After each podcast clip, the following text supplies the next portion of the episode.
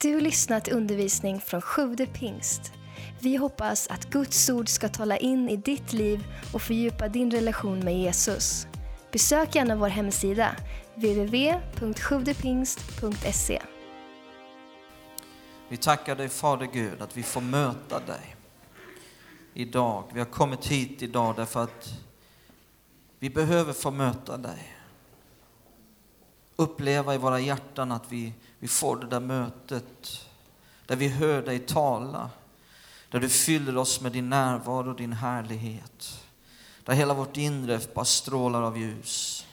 Åh Gud, vi ber att du ska tala på ett övernaturligt och profetiskt sätt den här gudstjänsten. Jag ber att du talar långt utöver vad jag säger från den här talarstolen till var och en särskilt vad de behöver höra. Väck våra öron just nu till att lyssna i våra hjärtan på lärjungars sätt. Åh Gud, vi tackar att du möter var och en av oss. Amen. Då står det så här i Johannes 9 och 4. Jesus säger, så länge det är dag måste vi göra hans gärningar som har sänt mig. Natten kommer då ingen kan arbeta. Jag har ett tema idag som är skjut upp förhalningen. Skjut upp förhalningen. Jag vill faktiskt tala om en av livets allra största fiender. Jag kan slänga upp den första bilden där. En av livets allra största fiender. Förhalning. Eller att hela tiden skjuta upp saker. När jag var liten, i början på 70-talet, då eh, fanns det en barnbok och en tecknad barnserie man kunde se på, på tv. Som hette Löjliga familjerna. Är det någon som kommer ihåg det? Ja, jag ser en del som skrattar nervöst här. Liksom, de kommer ihåg. De flesta har ingen aning om vad det här är för löjliga familjerna. Det var ju familjen Jajamensan. De sa ja till allting. Så var det familjen Ingalunda, de sa nej till allting. Så familjen på Stubben, de gjorde, var bråttom och gjorde massor med saker hela tiden. Och så fanns den här familjen Nannandag. Pappa Dröjvin. Mamma Frida. Dottern Manjana. Och sonen hette Sventa. Sventa. Familjen annan dag. Allting var en annan. Frågar man dem någonting, en annan dag. Sköt upp allting. Och jag hade tänkt att vi skulle sett ett roligt klipp för oss i vår ålder. Men vi har inte riktigt fått till tekniken här. Simon håller på att jobba på det. Kanske tio minuter in här i min predikan att, att vi kan få se också ett roligt klipp ifrån det här. Minnenas arkiv i början på 70-talet. Eh, men faktum är att även om det kanske blir ett roligt klipp här framöver, så detta med förhalning kan vara allvarligare än man kanske anar. Till att börja med. Eh, vi talar nu inte om att vi skjuter upp någonting någon gång ibland, för det kanske man måste och ibland får vi göra det. Utan vi talar om eh, eh när det här med att, att hela tiden förhala saker och skjuta upp saker blir en, en del av vår karaktär. Eh, där vi hela tiden förhalar för mycket, skjuter upp för mycket och det blir en del av vår karaktär och vår personlighet. Den här dottern i den här löjliga familjen, hon hette Manjana. Det är ju spanska, det betyder imorgon. Jag har ju bott i Latinamerika där man talar spanska eh, eh, och jag lärde mig då att, eh, Eh, eh, att Manjana betyder imorgon, men när jag bodde där då förstod jag att det betyder inte imorgon. Det var en annan svensk där han, som bodde i Bolivia, han berättade för mig, han lämnade in en bil på verkstaden och så frågade han, när blir den färdig? Manjana, sa de. Ja, då kom han ju tillbaka nästa dag och, ja, är bilen klar nu? Nej. Nej, när blir den färdig då? Manjana. Jaha, okej, okay, då var han tillbaka nästa dag igen och frågade, är bilen färdig nu? Nej. Ja, när blir den färdig då? Ja, manana. Han trodde fortfarande det var imorgon, så han var tillbaka nästa dag liksom och blev besviken igen för bilen var inte färdig. Han frågade när blir den färdig? Manana. Till slut så förstår han att manana betyder inte imorgon, det betyder någon gång i framtiden, vi vet inte riktigt när. Så det är väldigt bra namn på den här, den här dottern. Men vet du vad, Bibeln har mycket att säga om manana. Bibeln har väldigt mycket att säga om det här begreppet imorgon. Har du tänkt på det någon gång? Titta här i Jakobs brev kapitel 4. Och Jakobs brev 4, vers 13 till 14. Så står det, lyssna nu, ni som säger, idag eller imorgon ska vi resa till den och den staden och vistas där ett år och göra affärer och tjäna pengar. Ni vet inget om morgondagen. Vad är ert liv? Ni är en rök som syns en liten stund och sedan försvinner. Ja, det var ju inte så positivt kanske någon känner, men det finns visdom i detta. Eh, och eh, titta i vers 17. Den som vet att göra det goda men inte gör det, han syndar. Här talar Jakob om det här beteendet utav att, att hela tiden tala om att imorgon ska jag göra det och det. Eh, att det faktiskt kan bli till synd rent utav. Så vi pratar om att det, det, det finns något allvarligt i detta. Eh, att man vet att göra det goda, men kanske skjuter upp det till imorgon eller någon annan gång. Eh, den kände kyrkofadern Augustinius, han sa att Gud har lovat dig förlåtelse när du vänder om, men han har inte lovat dig en morgondag för din förhållning. Exakt så sa han. Um, Jesus han sa aldrig så här att det kunde ju vara bra om ni kanske en vacker dag kunde överväga att ändra era liv. Jesus sa aldrig så. Han var mer direkt. Han talade alltid i nuet och sa vänd om, följ mig, tro evangelium. Eh, och Bibeln har en del varnande ord att säga om just det här begreppet imorgon. Titta här i Ordspråksboken 27. Bibeln varnar oss för att göra oss felaktigt beroende utav morgondagen. Är ni med på det? Att göra sig beroende utav att det ska finnas en morgondag. Att det kan vara något oerhört farligt i det. I Ordspråksboken 27 och vers 1. Ordspråksboken 27 och 1 står det Beröm dig inte av morgondagen, du vet inte vad den bär i sitt sköte. Beröm dig inte av morgondagen. Eh, man kan inte berömma sig utav något man inte har eller äger. Eh, och, och därför beröm dig inte av morgondagen. Med andra ord, du har inte morgondagen. Du har ett nu.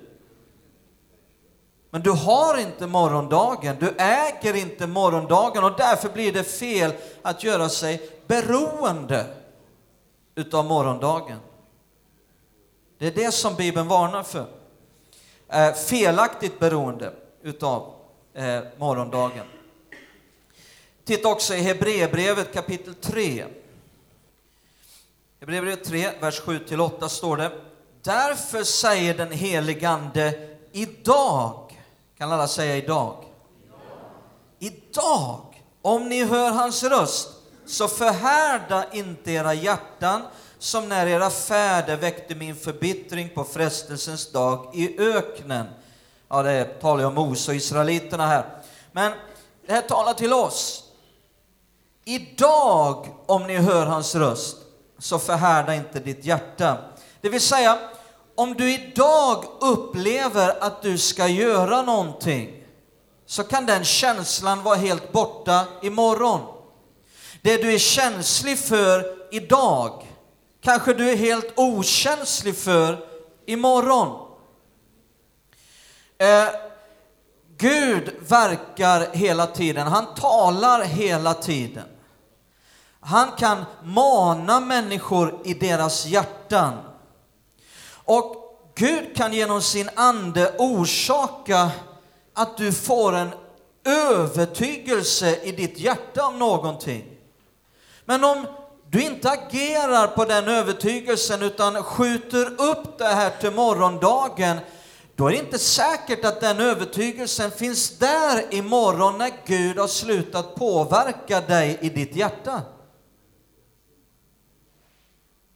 Idag, om ni hör hans röst, så förhärda inte era hjärtan.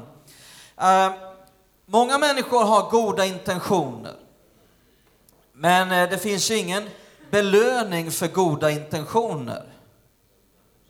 Och därför behöver vi fråga oss, är jag en människa som hela tiden skjuter upp saker till morgondagen? Är jag en som, det är nyttigt att ställa sig den här, inte för att fördöma sig själv, slå på sig själv, utan en positiv prövning.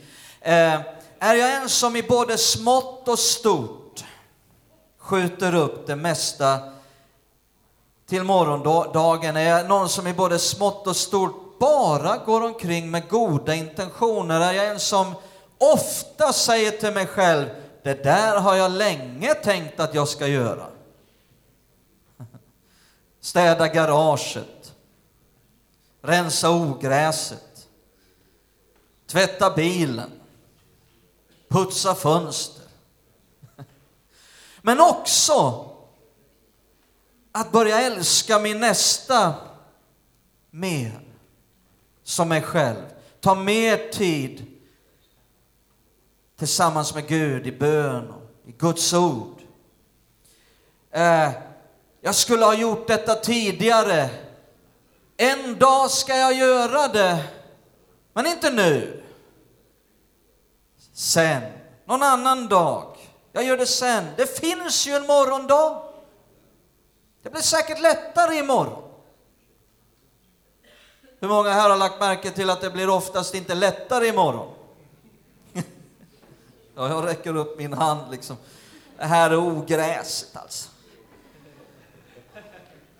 Nej, jag väntar en vecka till. Blev det lättare? Och det här går igen också på det andliga området, att det finns saker vi behöver ta i tur med som Gud talar till oss på det andliga området. Och det blir inte lättare imorgon. Det kanske blir mer problematiskt och svårare faktiskt imorgon. Låt mig tala lite grann här om förhalningens allvarliga konsekvenser så att vi förstår liksom att, att det här kan vara en av livets största fiender att få en sån här personlighet. Gud vill hjälpa oss förhalningens allvarliga konsekvenser. Eh, jag hörde talas om den här bondpojken. Det var en bondpojke, han, han välte med en hel vagn full med hö. Och så kom grannbonden och skulle inspektera. Och så sa grannbonden, eh, ah, eh, glöm dina bekymmer ett tag. Eh, följ med mig hem och käka middag, jag ska hjälpa dig sen med det här. Ah, vad snällt, sa eh, eh, bondpojken. Eh, men pappa skulle inte gilla det. Ah, kom igen nu, det, det tar inte så lång tid. Ja, Okej. Okay. Och sen när de då hade käkat middag, då säger bondpojken att ja, men nu är jag så mätt och nu måste vi verkligen sätta fart. Ja, jag vet, pappa kommer inte att gilla det här. Ah, larva dig inte nu, kom igen. Eh, eh, förresten, var är din pappa? Under vagnen, sa bondpojken.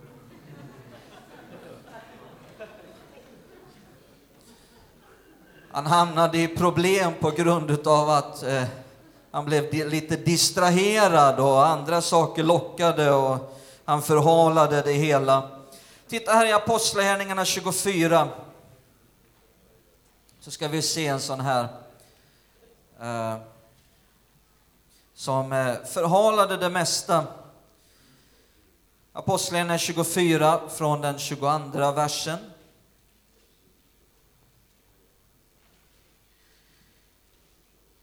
Felix, som mycket väl kände till den vägen, det vill säga det evangeliet, budskapet om Jesus, uppsköt, vad gjorde han? Han sköt upp rättegången och sa När befälhavaren Lysias kommer hit ner ska jag avgöra målet. Och han befallde officeren att hålla Paulus fängslad och samtidigt ge honom en viss lättnad och inte hindra någon av hans vänner från att vara honom till hjälp. Några dagar senare infann sig Felix tillsammans med sin hustru Drusilla, som var judinna, och han lät hämta Paulus och hörde honom tala om tron på Kristus Jesus.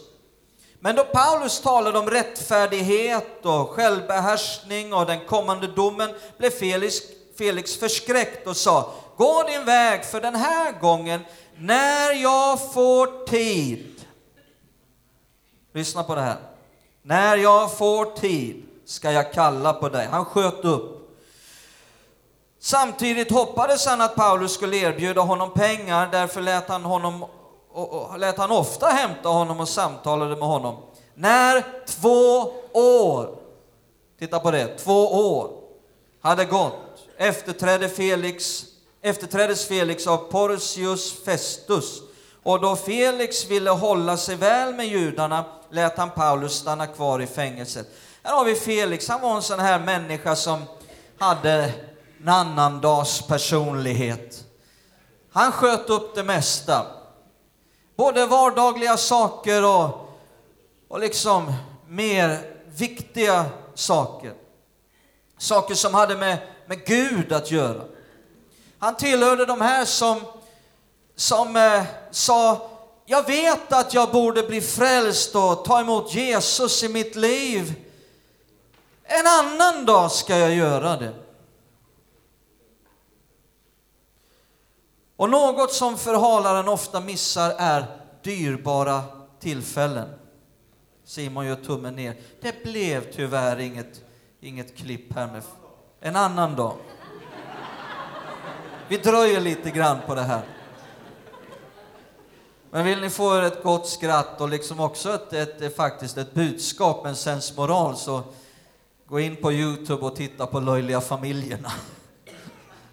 Ja, jag skrattade gott när jag fick se. Vi, vi, vi, en annan dag blir det. Något som förhalaren och Felix här, vi talar om de allvarliga konsekvenserna av att ha en personlighet av förhalning.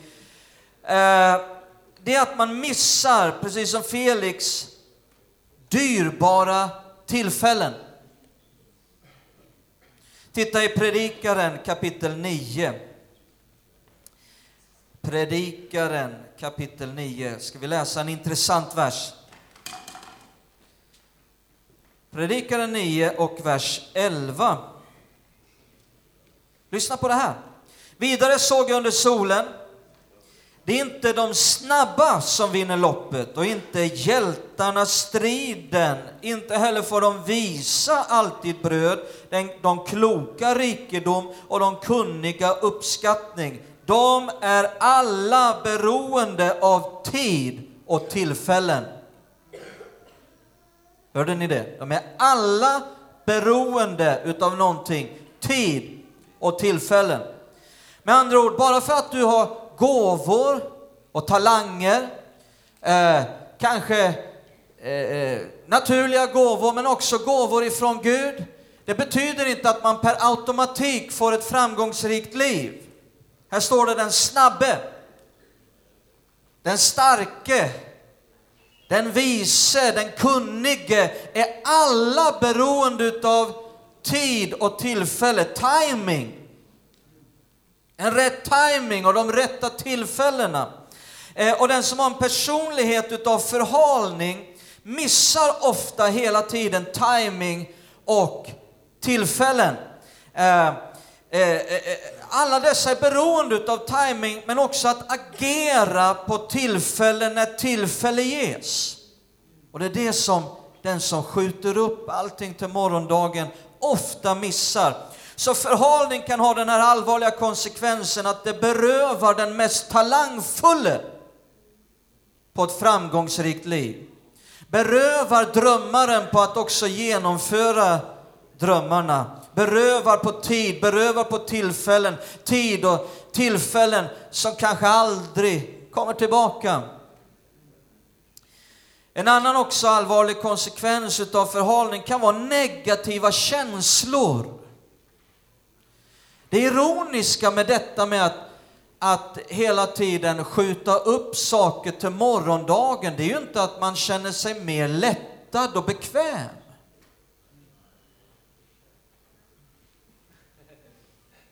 Tvärtom kan det börja sprida sig en känsla av oro. Kanske också skuldkänslor eller eh, en dålig självkänsla över att man inte får saker gjort. Uh, har ni lagt märke till hur det är ofta de där sakerna vi inte gör, men som vi vet att vi borde göra, som kan vara mer stressande än de saker vi faktiskt gör och får gjort. Har ni lagt märke till det? Så det finns sådana här allvarliga konsekvenser utav förhalning. Och nu kommer det sista då, skjut upp förhalningen. Nu förstår ni vad, vad jag menar med det. Skjut upp förhalningen. Eh, och hur ska vi göra det då? Hur ska vi kunna bli, få, få en frihet ifrån en personlighet som skjuter upp saker för mycket? Ja, kanske att vi först av allt måste identifiera varför förhalar vi saker. Jag tror att man behöver stanna upp och, och, titta på det. Varför? Vad finns det för anledningar till att man förhalar saker? Varför sätter man sig ner och gör ingenting? Eller kan också vara så här att varför spenderar man hela sitt liv med att göra det oviktiga istället för det som är viktigt. Och det som är viktigt skjuter man bara upp hela tiden. Det kan finnas en mängd olika orsaker, men en orsak kan vara att man, man är rädd för att misslyckas. Kanske man är osäker på sin egen förmåga. Kanske att uppgiften känns oöverstiglig. En anledning kan också vara att man har dåliga erfarenheter ifrån sitt eget liv eller andras liv och därför gör man ingenting. Kanske man har en allmän känsla av, av hopplöshet. Andra anledningar kan ju vara apati, likgiltighet, bekvämlighet.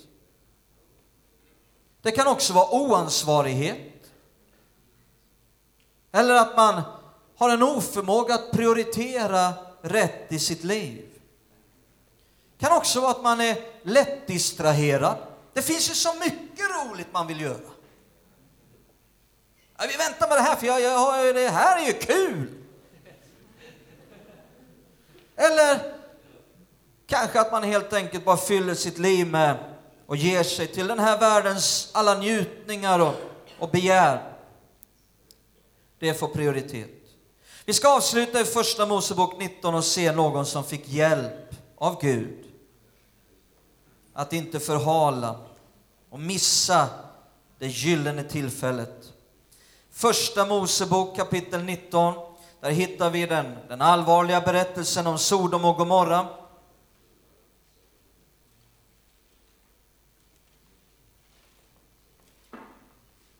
Och vi vet att Abraham han bad för Sodom och Gomorra därför att han hade en släkting där som hette Lot. Och i Sodom och Gomorra har det spårat ur rejält. Vi läser här i Första Mosebok 19 från vers 15. Vers 15 och 16. När gryningen kom skyndade änglarna på Lot Änglarna skyndade på Lot och sa, stig upp och ta med dig din hustru och dina båda döttrar som är här, så att du inte går under genom stadens synd.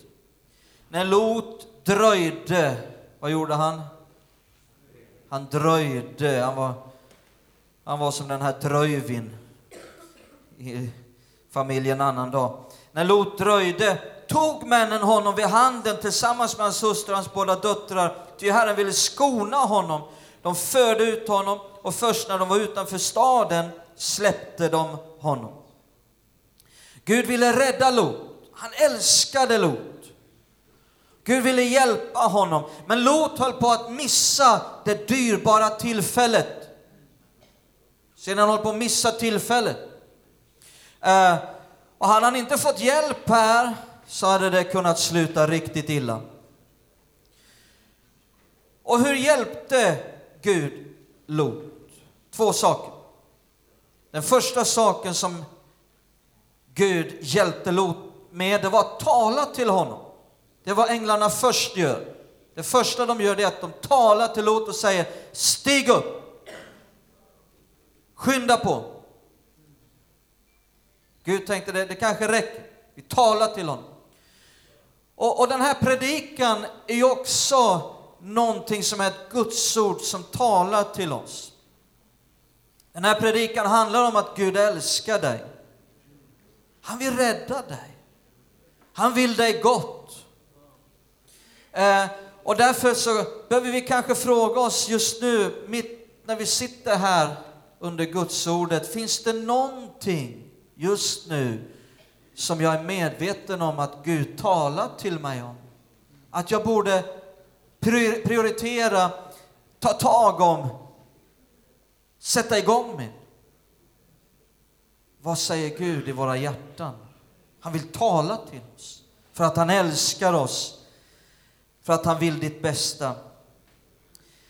Men sen gjorde änglarna någonting mer än bara talade, för det hjälpte inte enbart, utan de tog Lot vid handen och så tog de honom ut ur staden. Och det kan ju också vara så att vi är svaga i oss själva. Jag är den första att skriva under på det. Har ni upptäckt svagheten i oss själva? Där man känner, jag fixar inte det här. Ju förr man inser det, desto bättre. Jag fixar inte det här kristna livet, jag fixar inte allt det jag vet jag borde göra. Jag är så svag i mig själv. Är det någon mer än jag som känner igen det? Tack Jesus.